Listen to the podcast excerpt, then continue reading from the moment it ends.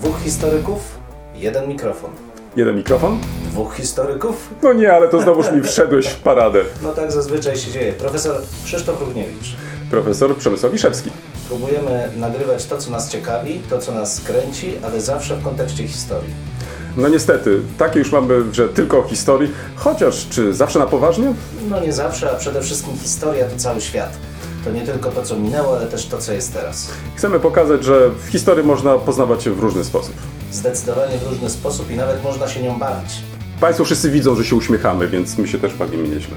Bardzo dobrze. Dwóch Liczymy historyków, jeden mikrofon. Jeden mikrofon? Dwóch historyków.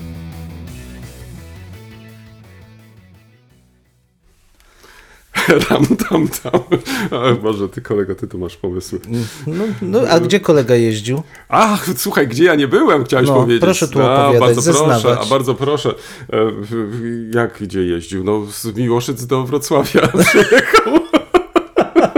Się nie liczy, bo tu autostradą się No jedzie, tak, także tak, tak. No, gdzie, się nie jaką autostradą? No, nie mam żadnej autostrady. transkontynentalną. tak akuratnie. Nie, nie, Transkontynentalną. ale fakt jest, faktem jest, że proszę Państwa, w um, ubiegłym tygodniu bardzo dużo się u mnie działo.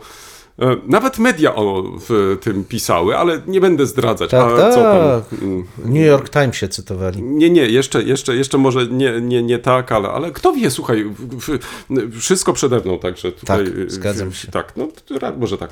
Ale nie, nie, nie, zauważyłem, że mm, wyjazd e, gdziekolwiek sprawia mi coraz większe trudności, coraz większe kłopoty. E, Wiesz, po, po tym okresie pandemii jakoś tak nie mogę dojść do siebie.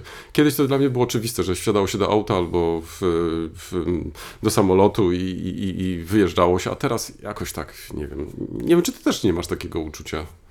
No tak, na pewno jest coś takiego, ale ja zawsze chyba miałem taki, taką niechęć do dłuższych wyjazdów. Krótsze tak, ale dłuższe to jakoś tak cięż, ciężko. No tak, tylko że po, pomyśl tak, y, dobrze, wyleciałem, y, bo tak, tym razem faktycznie poleciałem e, przez Warszawę do Düsseldorfu, bo w Bochu miałem wykład, em, a później następnego dnia musiałem wstać o godzinie w, w pół do piątej. Tak, takie zdjęcie koszmarne z Bochum kolega wysłał. Ale nie wiem, czy. jeszcze. No tak, tak, tak, ale, O. ale to chciałem tylko udowodnić, że to Bochum y, w, o każdej porze mile cię wita. Nie wiem, czy zwróciłeś uwagę, że było tam dokąd droga chyba, tak po polsku. Tak, wśród widziałem. tych wielu napisów, które były przyklejone do.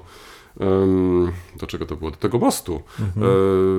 ym, kolejowego. Były napisy w różnych językach i, i także po polsku dokąd chyba. O widzisz, to pytanie, to pytanie o godzinie około piątej, bo faktycznie mniej więcej około piątej byłem e, przed dworcem głównym, też sobie zadałem, dokąd człowieku zmierzasz. A to nie było pytanie, jakie policjant zadaje, jak się wysiada z pociągu?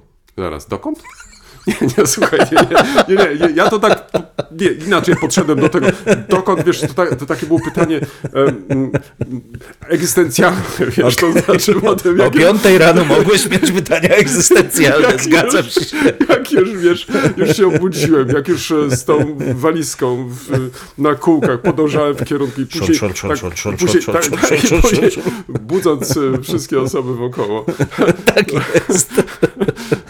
Ale nic nie było, żadne szkło nie biło, bo to sam, musiałem samolotem wracać, więc A, tutaj, nie, to, a nie chciałem bagażu, a bagażu nie chciałem nadawać. W każdym razie, faktycznie, jak zobaczyłem to słowo po polsku, to raz poczułem się e, tak e, już w hajmacie, no bo to po polsku, wiesz, dokąd, no, ale, ale nawet przystanąłem przez e, chwilę, żeby zrobić zdjęcie i, i, i tak się przez chwilę też zastanawiałem.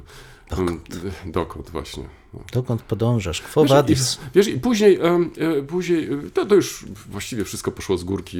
Zdążyłem na, na, na samolot, a nie, najpierw na pociąg, później na samolot. Wylądowałem w Warszawie, a w Warszawie też wziąłem udział w dyskusji. Tak. No i, i, i później przyszedł ten moment, kiedy trzeba było Warszawę pożegnać, e, no i wróciłem do Wrocławia. Proszę zwrócić uwagę, że kolega przyleciał na to Okęcie, tam od razu dyskusję zorganizowano i potem on z tego Okęcia... no może, no może, no może, nie, ta- może nie tak, może nie tak, e, ale, ale, ale faktem jest, że to tym razem udało się jakoś tak fajnie wszystko połączyć i, i pięknie dziękuję organizatorom za to fajne zaproszenie, bo w, w, w Dortmundzie miałem, w, przepraszam, w Bochu miałem bardzo fajną dyskusję, ale może będzie jeszcze okazja, żeby do tego po prostu wrócić. Tak, kolega jak Zanussi będzie pisał felietony. Lecąc y, do Rzymu. No może nie, nie, nie, te, nie jeszcze tego, te, te, tego poziomu Ale tego nie koledzy życzę. Tak. Tego nie, nie, tego poziomu życzę. jeszcze nie osiągnąłem, słuchaj. Nie, nie, nie. No, no, myślę, że wystarczająco się już rozgrzeliśmy. To kolega mnie rozgrzewał tutaj. Ale pewnie, zawsze do dyspozycji. Dokąd? Czyżbym wyglądał no już tak na takiego... No, kolega z szalikiem na szyi, proszę Państwa, siedzi. Mimo pomarańczowych skarpetek, to jednak jest. Tak, proszę Państwa, smutek. ponieważ e, nie wiem, e, ja nie chcę tu nikogo naturalnie straszyć, ale w, na każdym kroku e, w Niemczech e, raz, że e, odczuwa się, że pandemia jeszcze nam towarzyszy, bo mm, można się na przykład e, sprawdzić, e, e, zrobić bardzo szybki test. E, Dwa, że w różnych środkach komunikacji trzeba mieć, to jest obowiązek, trzeba mieć nadal maskę. A z kolei na uniwersytecie, no niestety, drogie koleżanki i koledzy, także i tam trzeba nosić maski, przy czym jest pewna różnica. Studenci w, nie muszą tego robić, pracownicy naukowi mają zalecone, wyobraź sobie, czy generalnie pracownicy uniwersytetu mają zalecone noszenie masek. No, jest ciekawa dyskusja, która e, teraz e, się odbywa na właśnie tym uniwersytecie, gdzie byłem, na Uniwersytecie Bochum, jak przekonać studentów, ażeby także ym, i oni nosili maskę. No więc to nie jest takie, takie proste, ale na przykład apeluje się do tego, ażeby mieć na względzie także inne osoby, które są na przykład y, w, w sali, a które mogą źle przechodzić e, e, COVID w razie e, zakażenia. Wiesz, takie zwrócenie uwagi na to, że powinniśmy mieć na uwadze mm, koleżanki i kolegów, że, że, że powinniśmy no, w- jakoś tak w sposób bardziej obowiązkowy do tego podchodzić. No, bardzo mi się podoba, to znaczy y, to, to, to jest takie, nie wiem czy, czy to przekonuje, czy też nie, ale, ale mnie to przekonało, to znaczy, że, że bierzmy też innych pod uwagę, liczmy się z tym, że nie sami jesteśmy w takiej sali, tylko że są też nasze koleżanki i koledzy, no i jeżeli chcemy, ażeby te zajęcia odbywały się dalej w sposób stacjonarny, bo to generalnie o to chodzi, no to starajmy się przestrzegać y, to, to, to minimum. No właśnie, a to minimum jest, żeby zwracać uwagę na noszenie masek, na zachowanie odległości, także wietrzyć pomieszczenia. Ale wiesz, ale u nas tego w ogóle nie ma, no. Kompletnie. E, Byłem jedyną osobą, wyobraź sobie, która w samolocie miała maskę na twarzy. No, no widzisz, no u nas epidemia się skończyła. Tylko dlatego, że ja chciałem się pojawić ponownie e, we Wrocławiu i pójść do pracy. Tak, bo to jest ten niemiecki porządek u kolegi. Obowiązkowość. No, no, tak. no dobrze, ale kolego, teraz tak, y, nowinki, starowinki, bo tak gadamy, Tak, gadamy, tak, tak, gadamy. gadamy, właśnie. Tak, tak, ja No, cię to jakieś Jestem nowinki. Tak. gotów, jestem gotów ciebie naturalnie zagadać, ale myślę, że słuchacze niekoniecznie może chcą wysłuchiwać takich wynurzeń. No dobrze, proszę Państwa, w weekend trochę niedzieli miałem więcej, więc pojechałem sobie na Co to przełęcz. znaczy niedzieli więcej? No w sensie, że miałem chwilę, mogłem Godzina ci się wydłużyła? za zgodą rodziny pojechać sobie w góry na chwilę. To jest zawsze miłe. Sam? No z Basią oczywiście, z, z moim piesem. A no właśnie, to, to, to, dodajmy, że z Basią Tak. to piesem. Basią piesem, tak, z Basią piesem. Byliśmy w Radomierzu. To jest taka miejscowość z grubsza w okolicy Jeleniej Góry, taka strasznie ruchliwa droga, droga przechodzi z Trzegom Jelenia Góra tamtędy. Ale w każdym razie na przełęczy, z przełęczy można potem pójść w różne góry i w kierunku przemieszczając się w, drogą, można znaleźć Janowic bodajże, tam się tak, Janowica się nazywa ta miejscowość, można znaleźć kamień. O, Jeden z wielu, w których na Śląsku w XIX wieku się pojawiło nieco, upamiętniających tragiczne wydarzenia, a czasami też e, będących znakiem dość szczególnych pochówków, o czym za chwilę powiem. Ten akurat kamień poświęcony jest e, bezimiennemu, bo imienia niestety na nim nie znajdziemy, synowi Gottfrieda e, Oesslera, e, Kmiecia, czy Bauera, to nie wiem jak to ładnie określić, gospodarza. No ale Bauer to określona Chłopa. jest kategoria, nie? chłop. To- No chłopa, zaraz tam Kmiecia. w, z e, Janowic Wielkich, który został wysłany do Jeleniej Góry po siano bodajże. Um, 17 lat podobno miał. Udał się, nie, przepraszam, on z drewnem pojechał. Drewnem do Jeleniej Góry sprzedać to, to miał drewno. wrócić. Tak, z pieniędzmi miał wrócić. to siano. No i nie wrócił. Znaczy, został zamordowany po drodze. e, Fura z końmi wróciła i z ciałem zamordowanego. E, Konie zaprowadziły do, do domu, zrobiono e, potem w śledztwo. E, Oskarżono jednego z parobków, nieważne. Ale ojciec, jak należy się domyślać, e, wystawił właśnie taki pamiątkowy kamień w miejscu, gdzie doszło do tego zdarzenia, gdzie został zamordowany jego e, syn. No i możemy dzisiaj przeczytać e, na tym kamieniu, że w 1828 roku w tym miejscu mm, został, czy zostało przerwane życie syna Gottfrieda Üslera, e, Kmiecia Bauera e, e, z Janowic. A poniżej mamy inskrypcję e, z no, taką dość e, znaczącą. Vergib uns unsere Schuld, wie wir unseren Schuldigen vergeben. Czyli odpuść nam nasze winy, tak jak my odpuszczamy dziś my w języku polskim naszym. Paternoster. Tak, fragment Paternoster. Bardzo ciekawe. W, oczywiście długie trwanie takich pomników moglibyśmy sobie e, próbować wykreślić, choć w naszym przypadku raczej mamy tu do czynienia ze zredukowaną tą wersją krzyży w miejscach wypadków stawianych, gdzie mamy ofiary śmiertelne. Natomiast w XIX wieku takich pomników nieco na Śląsku się pojawiło, niekoniecznie związanych z tak tragicznymi e, wypadkami. Idąc ostatnio też przez wąwóz siedmicki, to taka nieduży stosunkowo e, wąwóz w górach e, kaczaskich, zupełnie przypadkiem znalazłem kamień będący nagrobkiem jednego z leśniczych miejscowych, też XIX-wieczny i rzeczywiście przypomniałem sobie, że przynajmniej dwa takie jeszcze na Dolnym Śląsku w górach mm, widziałem, co też wskazuje to szczególne romantyczne upodobanie do hmm, natury, do zostawiania tego ostatniego miejsca pochówku nie przypadkowi i nie miejscom takim publicznym, ale takim, które się ukochało w swoim życiu. I wydaje mi się to całkiem mm, sensowne, nawet jeśli nasze ciała ktoś rozsypie potem, mm, niż pakowanie w jedno miejsce w całym tłum innych naszych zmarłych kolegów i koleżanek.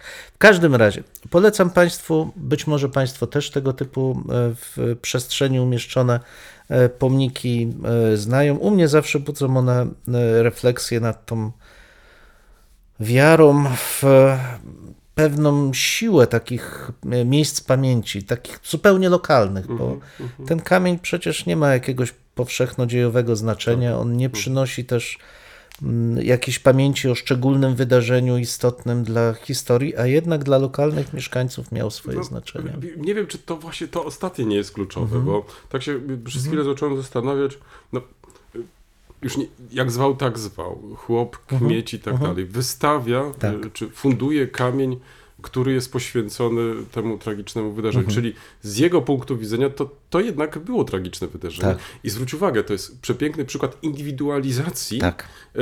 tej, można powiedzieć, żałoby za Traumy. utratą, Mhm. prawda, y, tej osoby. Ale y, ten cytat, który na koniec przytoczyłeś, und vergib uns unsere Schuld, wir, Mhm. Tak. wir, vergeben unseren Schuldigern, czyli Tak.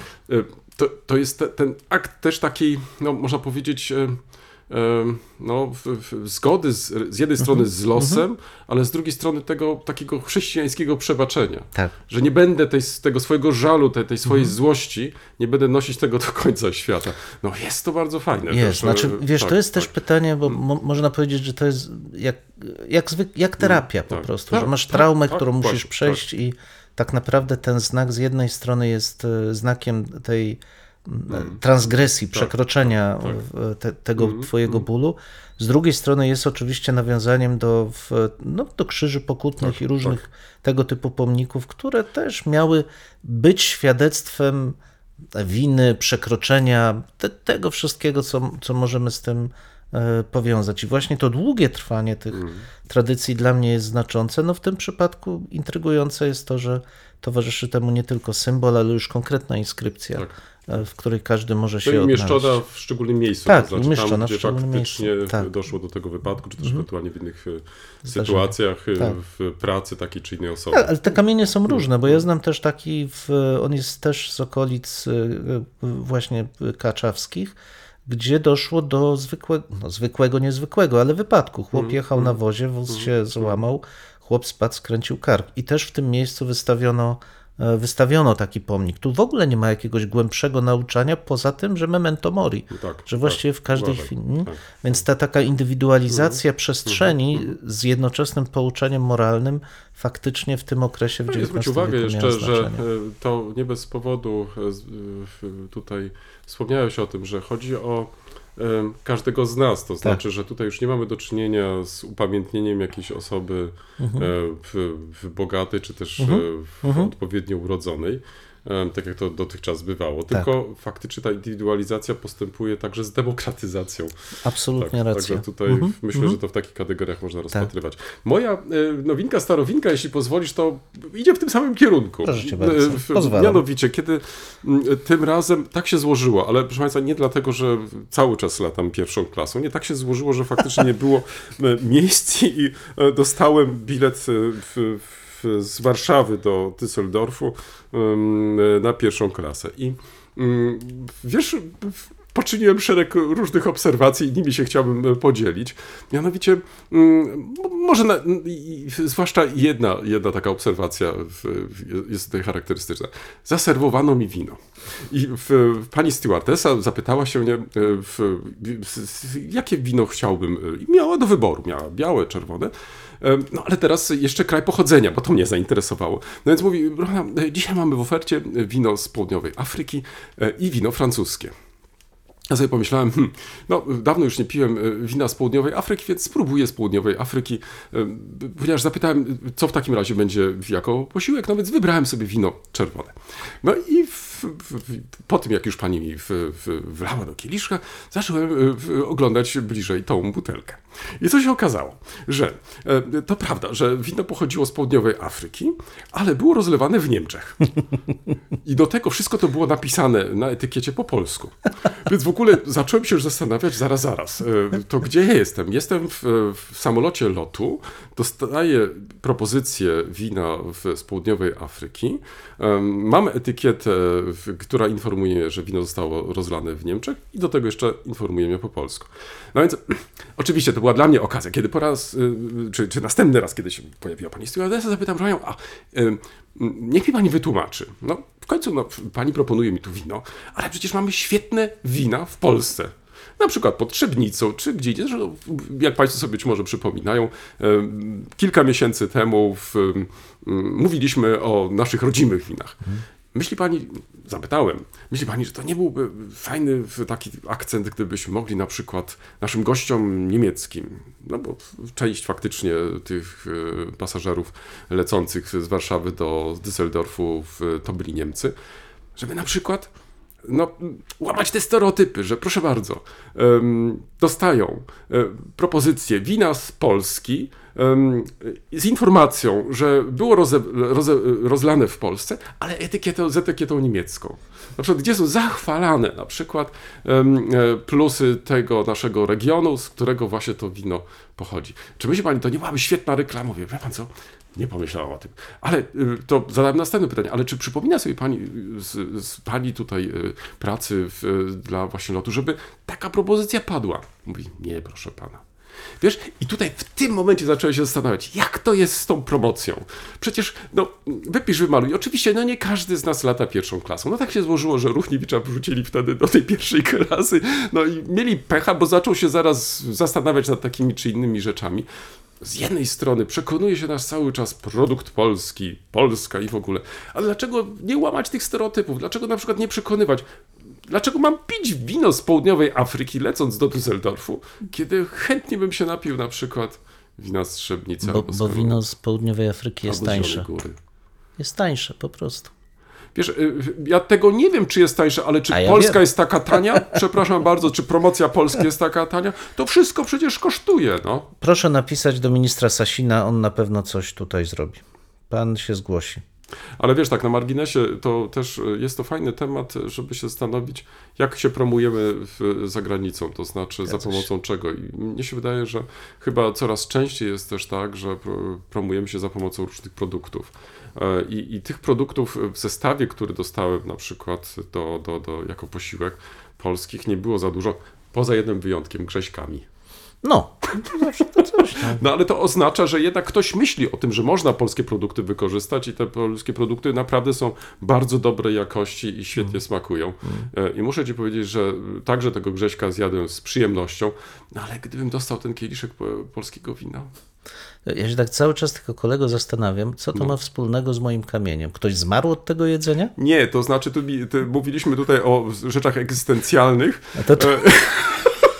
Czyli ktoś miał Ja niestrawność chciałem, jednak. Ja, ja chciałem Ktoś ci miał nie, nie, ja niestrawność. chciałem ci powiedzieć, że I to jest dobrze, też, bo nie, gole nie, z pierwszej klasy. Ja chciałem ci też powiedzieć, że to jest jeden z tych elementów egzystencjalnych, to znaczy, em, kiedy ty lecisz, zastanawiasz się, wiesz, przeglądasz jeszcze materiały do wykładu, em, no i proszę, i, i dostajesz kieliszek wina, no i, i, i, i zaczynasz łączyć to wszystko, wiesz, no przyjemność z pożytecznym, no i chciałbyś mieć też dodatkowo te wrażenia takie, jakby to powiedzieć, no dumy jednak mimo wszystko, że, że no jest to produkt polski, wiesz, no i jeszcze, tak jak ci wspomniałem, no, no byłem zachwycony, to znaczy e, gdzieś tam z tyłu głowy miałem te, te wszystkie jakieś takie antyniemieckie wystąpienia ostatnio, bo to, to wprawdzie nie było tematem mojego wystąpienia, ale, ale, ale szykowałem do, do, do innego w, w, w, e, wystąpienia i, i zebrałem te, te, te różne wypowiedzi i tak dalej, wiesz, i później zobaczyłem tą etykietę, rozlewano w Niemczech wino, e, etykieta po polsku, południowa Afryka, no więc no, zacząłem to wszystko łączyć, Boże, no, w którym momencie jesteśmy, wiesz, no, a później przyszło mi do głowy coś takiego, a, a to byłoby naprawdę takim, takim zderzeniem cywilizacyjnym. Na przykład, no wyobraź sobie, no, jesteś obywatelem Niemiec, przyzwyczajony do tego, że tylko wino niemieckie jest najlepsze i w ogóle, już nie mówiąc o piwie. A tutaj dostajesz piwo, wino, którego nie znasz, nazwy, której też nie potrafisz wymówić e, i smakujesz, hmm, coś jest na rzecz. Kolega mnie przeraża, bo jak tak dalej pójdzie, to w ramach promocji polskich zwyczajów i kultury każe nam furmankom jeździć do Berlina. Więc ja jednakowoż odmawiam. Ale jesteśmy na Uważam, że globalizacja jest Zwróć- dobra. Zaraz, zaraz, zwróć uwagę. Czy ostatnio tankowałeś? To tak powiedziałeś sobie o tak lekko na początku, że tutaj dostał wolne i sobie pojechał w góry. Przepraszam, co, rowerem pojechałeś? No to jest szczera prawda, no, ale też nie na polskiej chwilę- benzynie. no, nie no, na no, polskiej no, benzynie. No, ale słuchaj, za chwilę będziesz się zastanawiać, czy w ogóle. Będziesz mógł wyjechać, więc y, pewnie przesiądziesz się na inne środki lokomocji. Na szczęście trochę jeszcze pociągów u nas jeździ. Już niedużo, ale trochę jeszcze. Ale zobacz, jakie ceny są biletów. No, no, no, no właśnie. Książki, Dobrze. lektury. Wyjątkowo przyniosłem. O, nawet widzę, egzem- widzę, potwierdzam, o, proszę, potwierdzam, proszę taka jest. cienka, taka. No i dobrze. Tak, rzeczywiście, proszę Państwa, książka nie jest e, bardzo obszerna, 126 stron, więc to nie jest jakiś, e, jakieś dzieło monumentalne, ale nie tylko ciekawe, ale też bardzo, Nie liczy się ilość. ale jakość, m, bardzo dojrzałe i w, moim zdaniem bardzo ważne tak metodologicznie też z punktu widzenia początków dziejów e, Polski. Krzysztof Fock, Ja tak patrzę, przepraszam, na koszulkę kolegi i on tak mówi, że to ja tutaj tak walczę. ja walczę cały czas, no ale Więc to... właśnie, proszę Państwa.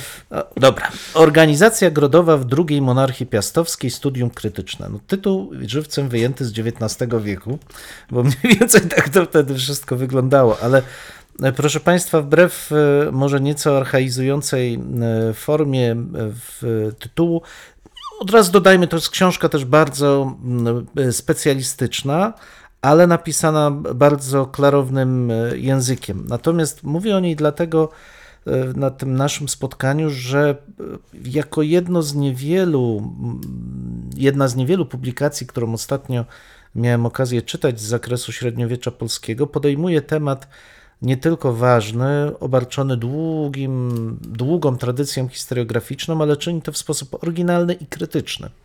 E, I co więcej, nie jest to krytykanstwo, ale rzeczywiście e, dążenie do zaproponowania nowej mm, e, teorii, nowej hipotezy, takiej, która ma duże znaczenie też dla rozumienia tego, czym były początki państwa polskiego, jak to państwo piastowskie w zasadzie funkcjonowało w X, na początku XI wieku.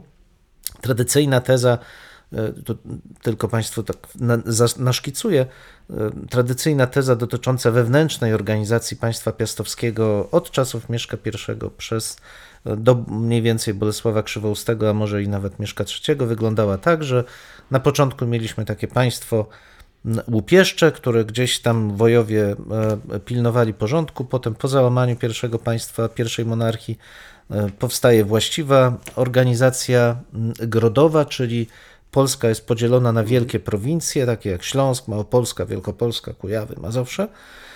I na czele tych prowincji stoi Komes. W bardziej rozwiniętej w wersji ma on pod sobą e, takie ośrodki grodowe, na czele których stoją też komesi tak drugiego rzędu. Krótko mówiąc, mamy taką e, przeniesienie we wczesne średniowiecze takiej wizji wojewódzko-powiatowej. Wielkie województwa i małe powiaty. I w takiej, w takiej formie ta mm, teoria funkcjonuje już no, dobre 150 lat, można by powiedzieć. Krzysztof Fogt rzuca temu wyzwanie, przede wszystkim wskazując na to, że jest ona oparta o anachroniczne założenia, takie automatycznie przyjmowane przez kolejne generacje e, historyków, natomiast ma bardzo kiepskie podstawy źródłowe i na podstawie tych przekazów źródłowych stara się on sformułować nową teorię, pokazać, że w rzeczywistości ten zarząd był dużo prostszy. E, Polegał przede wszystkim na tym, że w okręgach poszczególnych czy na przestrzeniach wcale nie jest linearnie wyznaczonych, tylko zmiennych, pojawiali się ludzie, którym książę powierzał pewną odpowiedzialność za e, utrzymanie porządku, bezpieczeństwo militarne, kwestie sądowe, gospodarcze, no, różne, nie rozwijając tych wszystkich wątków. Struktura bardzo płaska, bez właśnie tej dwustopniowości e, i w, służąca z jednej strony zarówno utrzymaniu takiego bazowego porządku na tym terytorium, ale z drugiej strony wygenerowaniu odpowiedniej liczby stanowisk. Po to też, żeby osoby, które trzeba sobie zjednać, miały odpowiednie miejsca, w których mogą tą funkcję sprawować, czy mogą się pochwalić, też pewne zyski ciągnąć. A z drugiej strony dla tych samych osób jest to forma utrzymania ścisłej więzi z księciem i podniesienia swojego prestiżu i pewności, że jest się w kręgu władzy. E, Zobaczymy. Przygotowuję recenzję. Mam pewne zastrzeżenia, ale uważam, że bardzo ciekawa i bardzo odważna też e, propozycja. Ale swoją drogą pomyślałem sobie, że jakże niewiele Polska się zmieniła, jeśli chodzi o obsadzanie stanowisk po to, żeby być w kręgu władzy i utrzymać sobie dwór. No i tyle z mojej strony, jeśli chodzi o książki. E, Czyli jeśli mógłbym to tak podsumować, chcesz tym samym powiedzieć, że także i w, w tym średniowieczu pojawiają się co jakiś czas jakieś takie właśnie nowe próby spojrzenia na stare Tak. już rzeczy i mimo tego tytułu, który faktycznie tak trochę no jakby nie patrzeć, e, nawiązuje do tych tradycyjnych chyba tytułów. A bo to z e, Krakowa jest. a, do, ale wiesz, y, powiem tak, y, oczywiście specyfika miast y, pewnie odgrywa tutaj rolę, ale nie, nie chciałem pójść aż tak daleko, to znaczy, bo, bo, bo to, czy to będzie z Wrocławia, z Warszawy, czy Bóg wie skąd tam, to, to widać z tego, że autorowi pewnie nie zależało na tym, ażeby e, szokować tytułem, tylko po prostu pokazać, że, że jest pewien problem, którym się chce zająć, no i, i robi to właśnie tak jak przedstawiłeś przed chwilą. No, jestem też bardzo ciekaw, e, czy, czy taki sposób patrzenia przebije się e, i przekona e, koleżanki i kolegów, którzy no, w końcu zajmują się tą problematyką. No ale to tylko oznacza, że no, coś nowego jednak można napisać. Można, tak? znaczy, i trzeba tak, mieć odwagę, tak, bo to jest też tak. trochę tak, tak, taki też mój wniosek Mhm. jest na podstawie różnych innych obserwacji z ostatnich mm, miesięcy, że ta nasza nauka się coraz bardziej mm, westernizuje, Mhm, ale w tym nie do końca dobrym sensie, to znaczy te mody historiograficzne, w, współ, pewne wspólne tematy, to, to jest bardzo dobra rzecz, tylko że one bardzo często blokują odwagę powiedzenia sensownie, nie krytykanstwa, tylko tak. sensownego zaproponowania zupełnie nowych kierunków badań. O czym wielokrotnie Tak, tutaj tak, zresztą, tak, e, tak. zresztą mówimy, więc taka propozycja, która jest skromna, naprawdę profesor Fogt zaproponował to w bardzo skromnej formie, a wbrew pozorom bardzo głębokich konsekwencjach, jeżeli się zastanawiamy już tu branżowo nad tym, jakie są skutki tej, e, tej nowej teorii, budzi mój najgłębszy szacunek i, i, i radość po prostu, że coś takiego wciąż jest możliwe. Nie wiem, jak to robisz, ale faktem jest i proszę Państwa, z kolegą nie omawialiśmy tego, ale za chwilę się przekonasz, że książka, którą przedstawię e, króciutko, albo właściwie ją anesuję, to idzie w bardzo podobnym e, e, kierunku. Ale zanim do tego dojdę, e, wspomniałem wielokrotnie dzisiaj podczas tej naszej rozmowy, że miałem okazję na zaproszenie Uniwersytetu Bochum e, wygłosić referat. Referat dotyczył e, Związku Polaków w Niemczech, organizacji bardzo zasłużonej dla dziejów e, Polaków w Niemczech, e, która w tym roku obchodzi setną e, rocznicę. Mm, Bochum też nie było przypadkowe, e, jeśli chodzi o nie, tylko sam, sam fakt zaproszenia, ale, ale też i, i temat, ponieważ to właśnie tam mieści się siedziba tej organizacji. No i zacząłem, ponieważ miałem trochę czasu po przylocie, zacząłem od tego, żeby zobaczyć, jak wygląda dzisiaj ta siedziba. Wcześniej e, wiedziałem, że mm, zarządzono remont generalny, że e, budynek ten miał być już udostępniony. Nie wiem, czy sobie przypominasz, ale e, często jest też tak, że w, z okazji różnych rocznic e, założenia takiej czy innej organizacji, czy na przykład e, kiedy wspominamy taką czy inną e, postać, to wykorzystujemy banery, to znaczy chcemy mm, przynajmniej na zewnątrz pokazać, e, że dla nas jest to ważna rocznica czy ważna osoba. Tak więc często się e, zdarza też tak, że wykorzystuje się fasady budynków, e, ażeby w taki sposób e, mm, upamiętnić te wydarzenia czy osoby. To, co zastałem, muszę ci powiedzieć, określiłbym mianem Polnische Wirtschaft. To znaczy, Przerażające to to, było. to było straszne. To znaczy, załączę jedno może ze zdjęć celem takiego zilustrowania. Okazało się, że t- remont w ogóle nie został rozpoczęty. Później dowiedziałem się, że znaleziono w budynku azbest i to spowolniło e, te prace. Niezależnie od tego, e, ten budynek dzisiaj jest w bardzo opłakanym stanie, siedziba e, Związku Polaków w Niemczech. Jest rusztowanie, które praktycznie nie jest wykorzystywane do tego celu, o którym wspomniałem, bo przecież co stało na przeszkodzie, żeby właśnie na tym rusztowaniu zamieścić baner, który by informował, że właśnie w, e, raz w tym miejscu znajduje się siedziba, a dwa chodzi w końcu jednak o upamiętnienie bardzo ważnej organizacji w setną rocznicę jej istnienia. No, niezależnie od tego, wydaje mi się, że mm, stracono chyba e, okazję, ażeby o tym przypomnieć, a przede wszystkim, żeby w przestrzeni miejskiej Bochum e, ta data jakoś zaistniała. Ja już nie mówię o samej organizacji, ale także i ta data zaistniała. Sam wykład natomiast e, był dla mnie bardzo pouczający, to znaczy może, może nie, nie, nie sam, sam tekst tego wykładu, tylko mm, ponieważ mówimy o książkach teraz, e, była to dla mnie okazja, żeby przejrzeć e, publikacje z ostatnich lat. I tu muszę Ci powiedzieć, że no jestem również rozczarowany. To znaczy, poza publikacją kolegi Lywa w, na temat e, Polaków w Niemczech, która ukazała się mm, i po niemiecku, i po polsku e, kilka lat temu, to praktycznie nie mamy żadnego nowego opracowania, które było poświęcone mm, Polakom w Niemczech w XX wieku, a już nie mówię o samej organizacji. Em, Próbowałem się e, wcześniej też dowiedzieć u koleżanek i kolegów, którzy uczestniczyli w różnych e, konferencjach z okazji właśnie tej setej rocznicy, czy spotkali się może z jakimiś jubileuszowymi publikacjami. Okazuje się, że takich nie ma.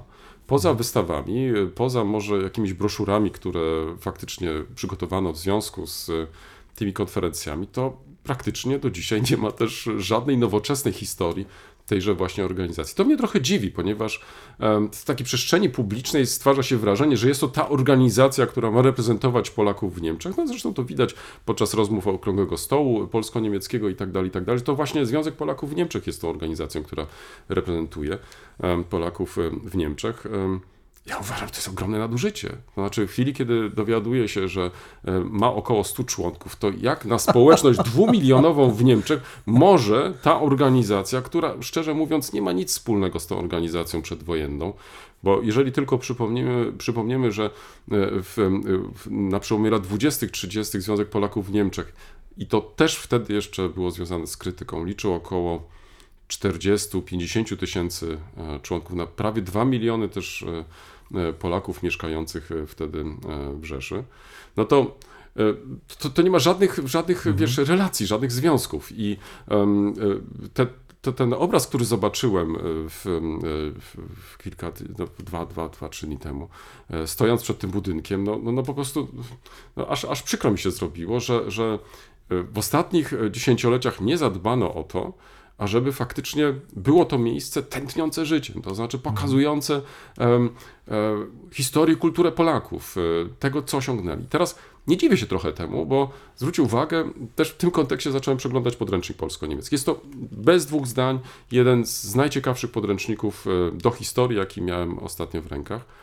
Ale przejrzałem ten podręcznik pod kątem właśnie ukazania problematyki narodowościowej.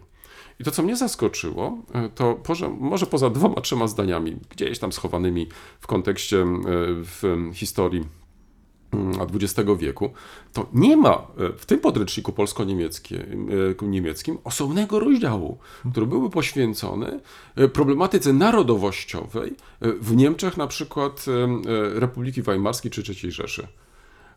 No to jak na przykład niemiecki uczeń ma coś się dowiedzieć na temat Polaków w Niemczech, ich historii, jeżeli w tym w końcu jednak flagowym, można powiedzieć, podręczniku, no nie ma żadnej informacji.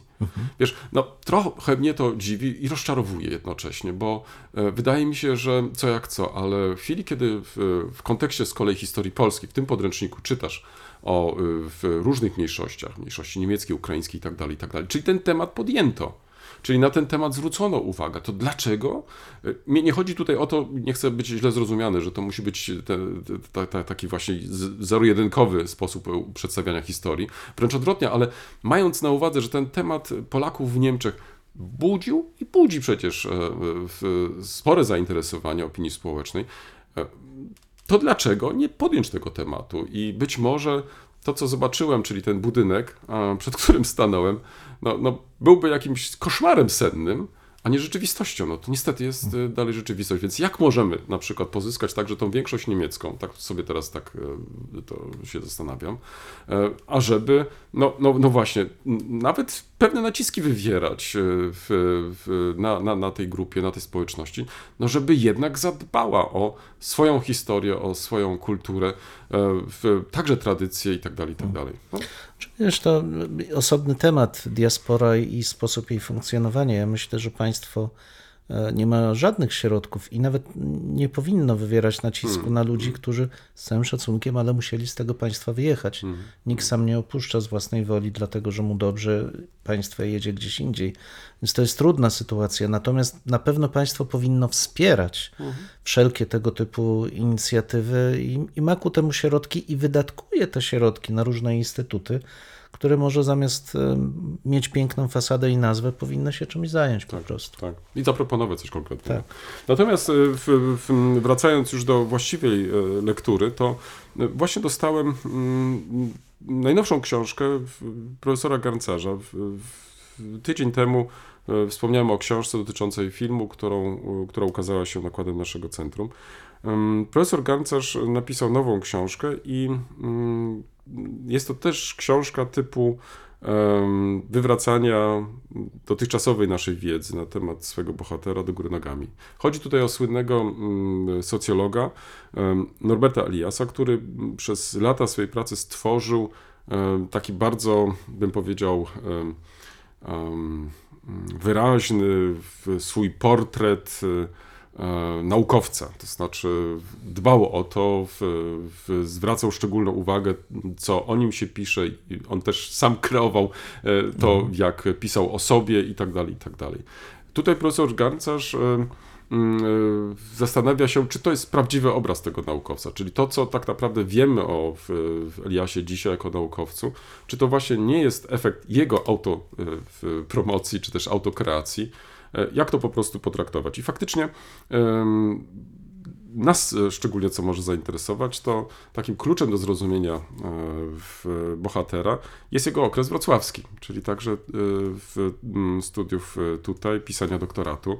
E, I temu poświęca e, profesor Garcarz bardzo dużo uwagi. Tym samym wprowadza do obiegu nowe źródła, które dotąd po prostu nie były uwzględnione w badaniach nad biografią em, słynnego e, socjologa, ale także e, nie uwzględniano w pracach dotyczących jego, w, jego w działalności e, naukowej. Tak więc myślę, że książka ta nie jest to książka obszerna. Tutaj e, książka liczy wprawdzie, no jest trochę grubsza niż twoja, 148 stron, ale tu trzeba mieć na uwadze to, że analizie poświęcono właściwie e, połowę e, książki, natomiast druga połowa to są wywiady dotąd niepublikowane z Norbertem Eliasem, gdzie e, on sam mówi o swojej drodze, o swoich e, doświadczeniach, o swoich inspiracjach. Bardzo ważna rzecz, bo po raz pierwszy e, te materiały są drukowane. Nie zmienia to postaci rzeczy, że i tutaj jestem w trakcie lektury tej książki, że już pierwsze strony przekonały mnie, że profesor Gancarz próbuje, mm, tak jak zresztą każdy z nas powinien to robić, nie opisywać jakiś pomnik, e, tylko dekonstruować ten pomnik. To znaczy po to tylko, żeby pokazać złożoność też tej postaci e, i pokazać ją dodatkowo na tle wydarzeń w Niemczech, e, w których nasz bohater uczestniczył. I z tego e, punktu widzenia wydaje mi się, że jest to książka ciekawa, ważna. Być może, jeśli przekonam się, że, że warto będzie, będę się starał też, ażeby ta książka możliwie szybko ukazała się po polsku, bo wiem, że mm, zainteresowanie Norbertem Eliasem to nie jest tylko zainteresowanie ograniczone do, do historyków, ale z pewnością osoby od lat e, w, w korzystające z myśli e, Eliasa, być może takie uzupełnienie też chętnie będą chciały uwzględnić. Bardzo ciekawe, no, Elias to postać nietuzinkowa i rzeczywiście nie tylko historycy, nie tylko historycy dworscy tak. tego, tej specyficznej formacji społecznej, ale też e, osoby zajmujące się filozofią, generalnie interesujące się e, historią myśli, sięgają po Eliasa bardzo często.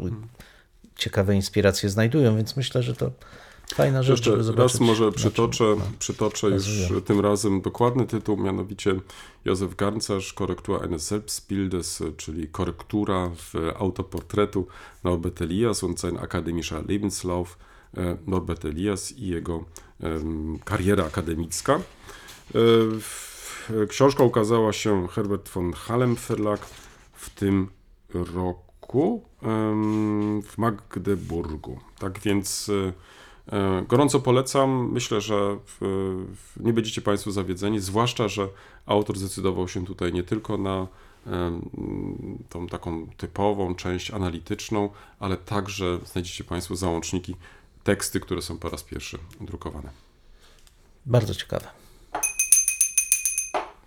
Główny temat, kolego. No, kolega trochę go już poruszył, e, mówiąc o sytuacji Związku Polaków w Niemczech e, i poruszając kwestię dyplomacji kulturalnej. A dzisiaj mieliśmy. Ja też o winnej zauważ. O winnej też. O winnej zacząłem. Tak, o, o, o, o, o, o winnych tak, tak. e, dyplomacji winnej e, kolega tutaj e, wspomniał. Kulturalnej. Kultura a też, ale winny, tak. Dobrze, niech tak będzie. No, no, no właśnie, dyplomacja. Jaką rolę dyplomacja w historii odgrywa? No słuchaj, ja myślę, że, że pierwszorzędną i, i, i to jest też coś, co często chyba jest przez nas niedoceniane. To znaczy, e, to nie można tylko redukować do tego XIX-wiecznego rozumienia dyplomacji jako takiej, czyli mamy coś takiego Ministerstwo Spraw Zagranicznych, mamy tych ambasadorów, e, czyli reprezentantów e, w naszego państwa, w innych państwach i tak dalej. Nie mamy tylko gry dyplomatycznej, czyli też te sposobów, w jaki się komunikujemy między sobą i tak dalej. Ale wydaje mi się, że to jest o wiele szerszy problem. To znaczy, w, w ostatnich zwłaszcza latach zaczęto zwracać baczniejszą uwagę na dyplomację kulturalną na przykład. Stąd też ten przykład wina z mojego punktu widzenia wcale nie jest taki y, tutaj y, przypadkowy, ponieważ y, także i za pomocą wina, czyli różnych produktów też można na przykład przekonywać inne państwa. Przypomnij sobie te słynne paciorki z Indianami, tak, to też była forma dyplomacji, no jakby nie patrzeć. Przekupstwo, ja no, bym bardziej no wiesz, jak zwał, tak zwał, no ale jednak jeżeli uczestniczyły w tym dwie strony i dwie strony były zadowolone ostatecznie, czyli krótko mówiąc trafiliśmy w gusta, no ale też Może- nie, nie na nie, długo. nie, może, wiesz co, nie będę drążyć tego tematu, bo to faktycznie jest zbyt, zbyt dzisiaj e, temat e, e, Skomplikowany. skomplikowany, to tak, ale nie zmienia to postaci rzeczy, że z dyplomacją jeszcze mamy w, nie tylko w tym tradycyjnym rozumieniu do czynienia, tylko mamy jeszcze do czynienia w innym kontekście, kiedy zastanawiamy się, no co można, co nie można, to znaczy gdzie są granice i na ile możemy te granice przekraczać, mając na uwadze, że stajemy się po części stroną.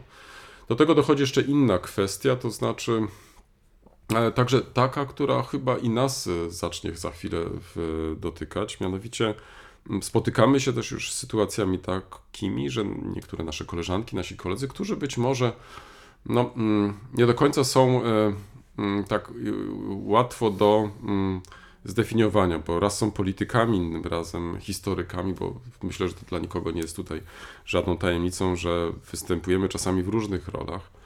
Em, Ale brak takiego jasnego e, rozgraniczenia, w jakiej roli akurat występuje, e, może powodować właśnie sytuacjami, że będąc, będąc blisko władzy, e, jesteśmy raczej postrzegani jako reprezentanci tej władzy, natomiast nie jesteśmy rozpoz rozpoznawani jako historycy i dlatego też już pierwsze sytuacje się pojawiają, kiedy niektóre nasze koleżanki czy koledzy wręcz są wypraszani z różnego rodzaju instytucji naukowych, no, ponieważ e, w pierwszej kolejności rozpatruje się ich jako właśnie przedstawicieli e, polityki, a nie nauki. No, tutaj dotyczy, tutaj zwiąże się jeszcze kolejny problem z tym, że wielokrotnie podejmowaliśmy go wcześniej, e, także mm, hołdowania takiej czy innej polityki historycznej. Bo jednak e, bycie naukowcem to jednak mimo wszystko wydaje mi się, to wielka jest e, różnica, a bycie propagandystą to też jest różnica. I dlatego też i w takich sytuacjach spotykamy się z sytuacjami, że osoby, które były zaproszone na przykład na takie czy inne konferencje, czy do wygłaszania referatów em, w takich czy innych instytucjach za granicą dzisiaj są po prostu e, wypraszane, więc e, m, wywołuje to coraz częściej e, w pewne w, no, w niezadowolenie, no ale pytanie, czy jest to faktycznie niezadowolenie uzasadnione, to znaczy, czy decydując się na występowanie w tych różnych rolach, my jednak mimo wszystko nie powinniśmy zwracać baczniejszą uwagę na to, jak możemy być postrzegani na zewnątrz. I tutaj ta dyplomacja odgrywa faktycznie znaczącą rolę, bo jest to wchodzi w zakres tej dyplomacji kulturalnej i możemy być oczywiście reprezentantami Polski, możemy wygłaszać na przykład y, referaty o naszych instytucjach, możemy promować na przykład takie czy inne e, osiągnięcia do tego. Wracam jeszcze raz do tego słynnego wina e, mojego.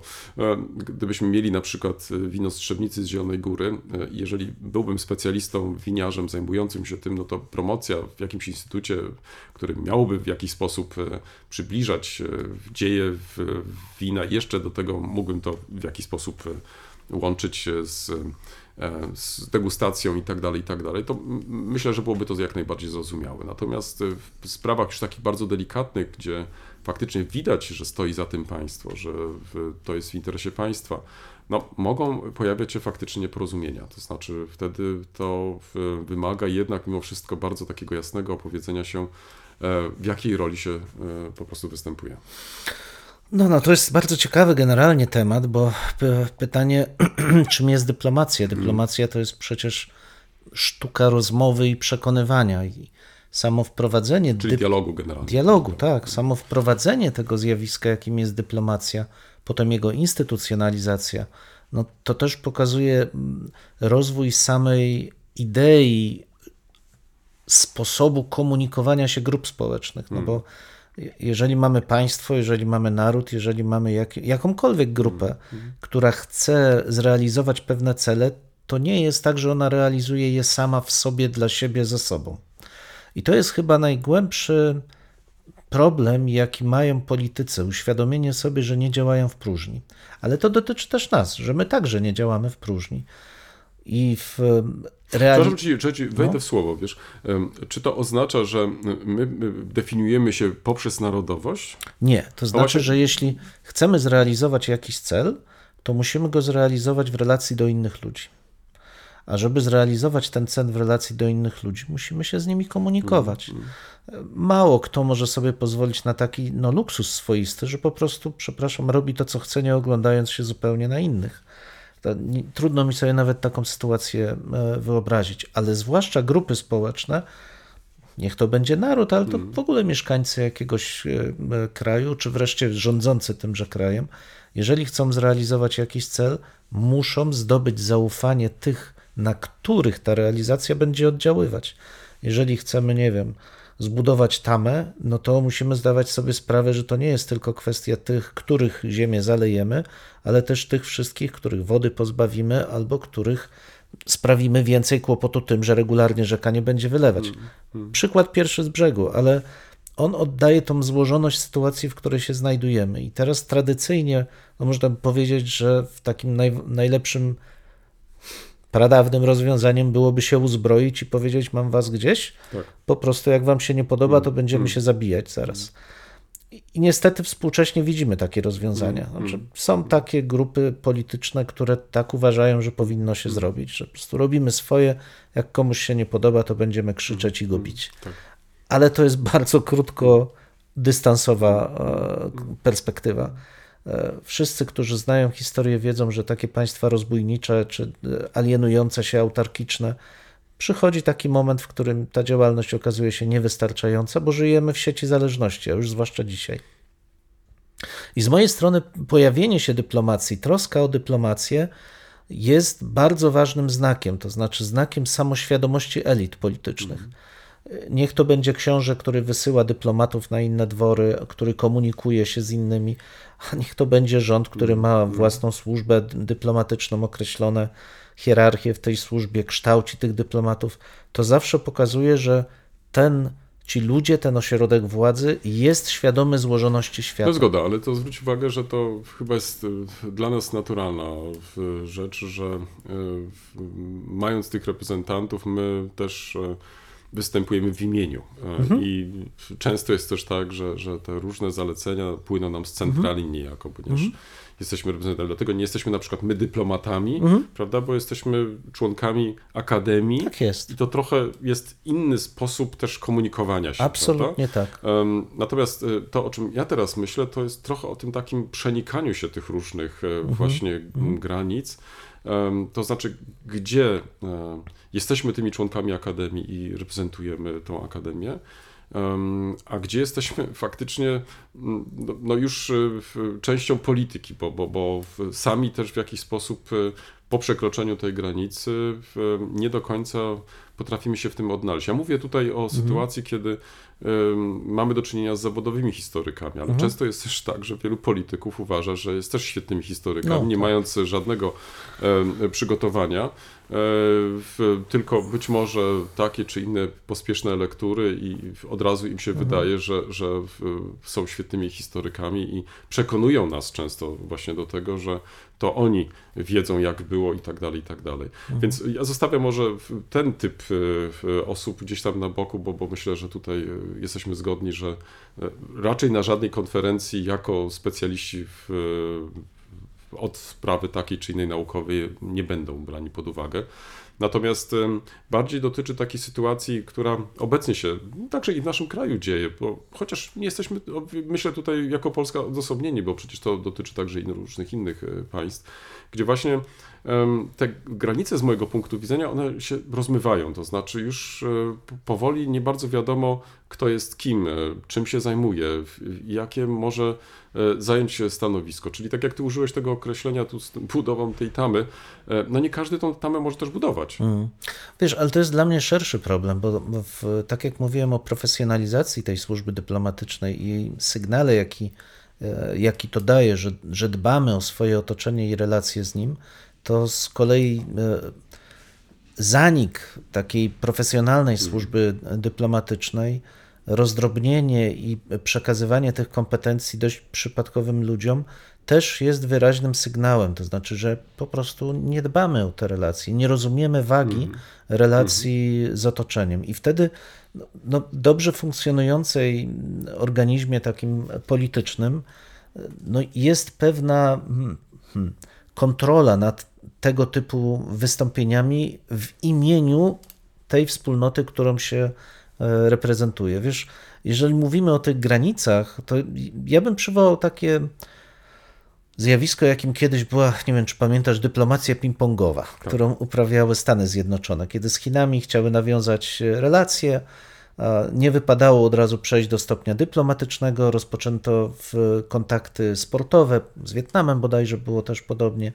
Wysyłano właśnie ping-pongistów, no bo to wiadomo, Azj- azjatyccy mistrzowie i tutaj kadra, e, kadra Stanów Zjednoczonych. I gdybym miał powiązać wystąpienia właśnie takich ping-pongistów i naszych koleżanek czy kolegów, którzy chcą reprezentować interes konkretnej partii, no to to jest trochę tak, jakby ci ping-pongiści przegrali, bo im kazano. Znaczy, oni nie grali tak, jak potrafią najlepiej, tylko ktoś im powiedział, przegrajcie. I oni przegrywają. na pewno nie są w tym momencie sportowcami. To, to chyba jesteśmy zgodni. Więc jeżeli ktoś chce uprawiać taką, przepraszam, partyjną dyplomację, która jest bardzo niezręczna i to jest chyba najgorszy rodzaj, jaki można robić, no to przestaje być historykiem. Tak jak taki ping-pongista, któremu się każe przegrać i przegrywa, przestaje być sportowcem najzwyczajniej w świecie. No, zwróć uwagę, że tutaj y, y, to określenie profesjonalizm jest chyba kluczowe. Y, Chociaż pewnie jak tu siedzimy, być może Państwo przed różnymi głośnikami, mm, macie różne definicje, znaczy co to oznacza być profesjonalistą.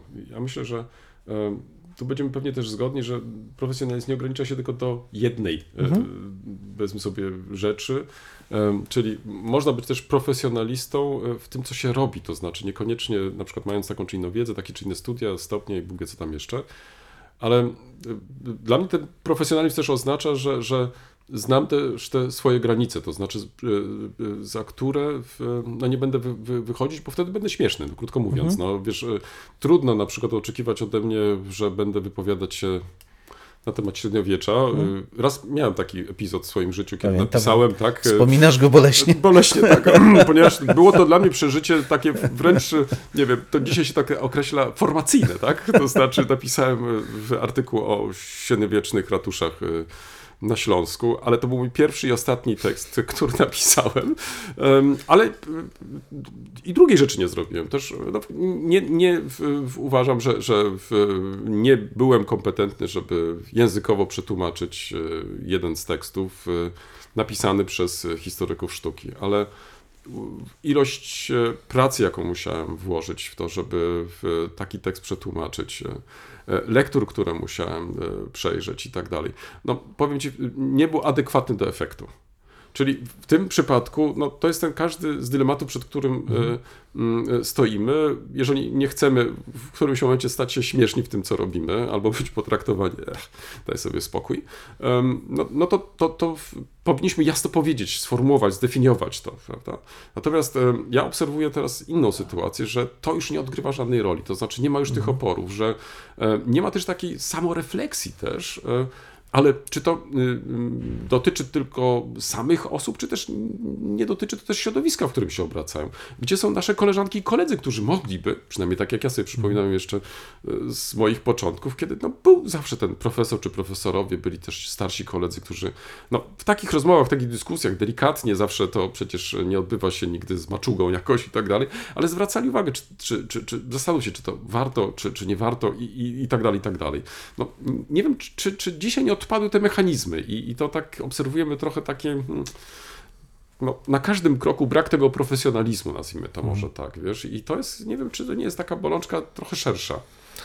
Ale wiesz, to jest tak jak mówiłem, to jest pewne signum zmian, które zachodzą w sytuacjach rewolucyjnych, kiedy pewne mm, paradygmaty się przewartościowuje, żeby osiągnąć konkretne cele. Dla mnie to jest up- upadek służby dyplomatycznej zawsze jest złym znakiem dla mnie w historii, bo, bo pokazuje, że y, po pierwsze dzieje się coś, co mm, utrudnia komunikację, że dwie strony mają różne wyobrażenia na temat nie tylko treści, ale i formy tej komunikacji. Tak jak przytaczanej chyba w poprzednim albo dwa odcinki temu ciekawostce, kiedy książę rzuca się na e, posła, biskupa, żeby go pobić i jeszcze może i zabić. No to, to, to pokazuje mniej więcej sposób rozumienia tej sztuki dyplomacji w niektórych e, kręgach. Ale to nas zamyka, to znaczy historia widziana w ten sposób, w której jedna strona chce zupełnie zdominować dialog, wymusić na innych przyjęcie tego dialogu, nie poddaje się myśli, że trzeba rozmawiać w sposób kulturalny, bo to otwiera. Każda agresja zamyka, każde kulturalne spotkanie otwiera i zbliża nas do porozumienia. No, no to takie zmiany pokazują, że rzeczywiście coś złego dzieje się wśród elit politycznych, ale i w całym e, społeczeństwie, które odmawia komunikacji. Ja przypominam sobie taką y, sytuację przed wielu, wielu laty, kiedy byłem w, na jednej z konferencji podręcznikowych w Chinach.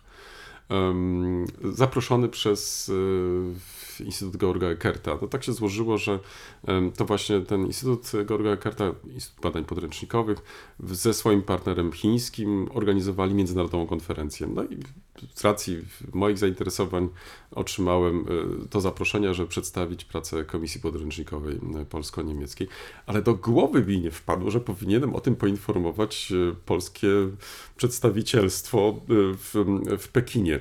Ale jakie było moje zaskoczenie, kiedy znalazłem się na sali, podchodzi do mnie jakiś urzędnik naszego MSZ-u i się pyta, a pan co tu robi? Więc potrafisz sobie wyobrazić moje zdziwienie. No więc ja odpowiedziałem, proszę pana, biorę udział w konferencji, ale my nic o tym nie wiemy. Ja mówię, ona, a, przepraszam, a e, pan kim jest? Wiesz, e, to znaczy ja byłem kompletnie zaskoczony, wiesz, to znaczy e, wręcz nawet się zastanawiam, Boże, czy, czy ja mam jakiś obowiązek zgłaszania, dokąd ja jadę? No, no, no nie wiem, no to znaczy, wiesz, tutaj nagle się poczułem, ale nawet gdybym miał tą zgodę, to co, to miałbym mówić, jak ktoś mi powie, że mam powiedzieć? Chyba bym zrobił, wiesz, taki wstęp, że proszę Państwa, muszę powiedzieć to, co muszę, a za chwilę będę mówić to, co chcę. Albo co uważam za ważne. Wiesz, ja, a ja mam z kolei bardzo fajne doświadczenie z reprezentowania, i to z 4, 5, 5 6 lat temu, z reprezentowania em, Polski na zaproszenie ambasady e, w, polskiej w RPA. E, Zostałem zaproszony, żeby przedstawić e, z okazji N-lecia, już nawet nie pamiętam czego, e, w, em, jakiegoś wydarzenia w mm, początki e, państw, polskiej państwowości. I rzeczywiście wykład. Kilkadziesiąt osób przyszło, część polonusów, część e, e, mieszkańców e, mm, RPA niepolskiego pochodzenia. E, Absolutnie ambasada nic e, nie dyktowała. Pewnie gdzieś tam jakieś sprawozdanie się znajduje, ale mogłem powiedzieć i o, o, o tym, że nie, do końca ta wizja chrześcijańskiego państwa jest e, realna. Różne rzeczy, które pewnie by nie przeszły już wtedy w takiej oficjalnej komunikacji. Mm, Ale byłem bardzo zbudowany profesjonalizmem polskiej dyplomacji wtedy. Już wtedy były pewne zmiany widoczne, natomiast mimo wszystko ta część kulturalna właśnie była na bardzo wysokim, profesjonalnym poziomie, e, poziomie prowadzona.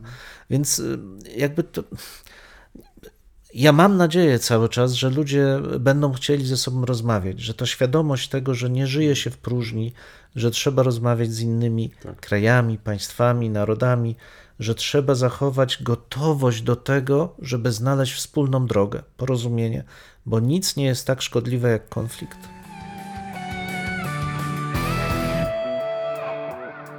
W tym miejscu stawiamy kropkę lub też jak kto woli, kropkę nad i. No, mamy nadzieję, że to nie jest koniec, że to jest początek Waszych dyskusji. Mam nadzieję, że Was zaciekawiliśmy. Prosimy o komentowanie naszych zmagań z historią. Poniżej zdjęcia jest wystarczająco dużo miejsca. Pamiętajcie, nie regulujcie odbiorników. No, my naprawdę tak brzmimy. E, tak, chociaż być może czasami e, może trzeba ściszyć. No może czasami ten nasz rechot by się przydało wyciąć nawet. Dwóch historyków, Jeden mikrofon, jeden mikrofon. dwóch historyków. Dziękujemy.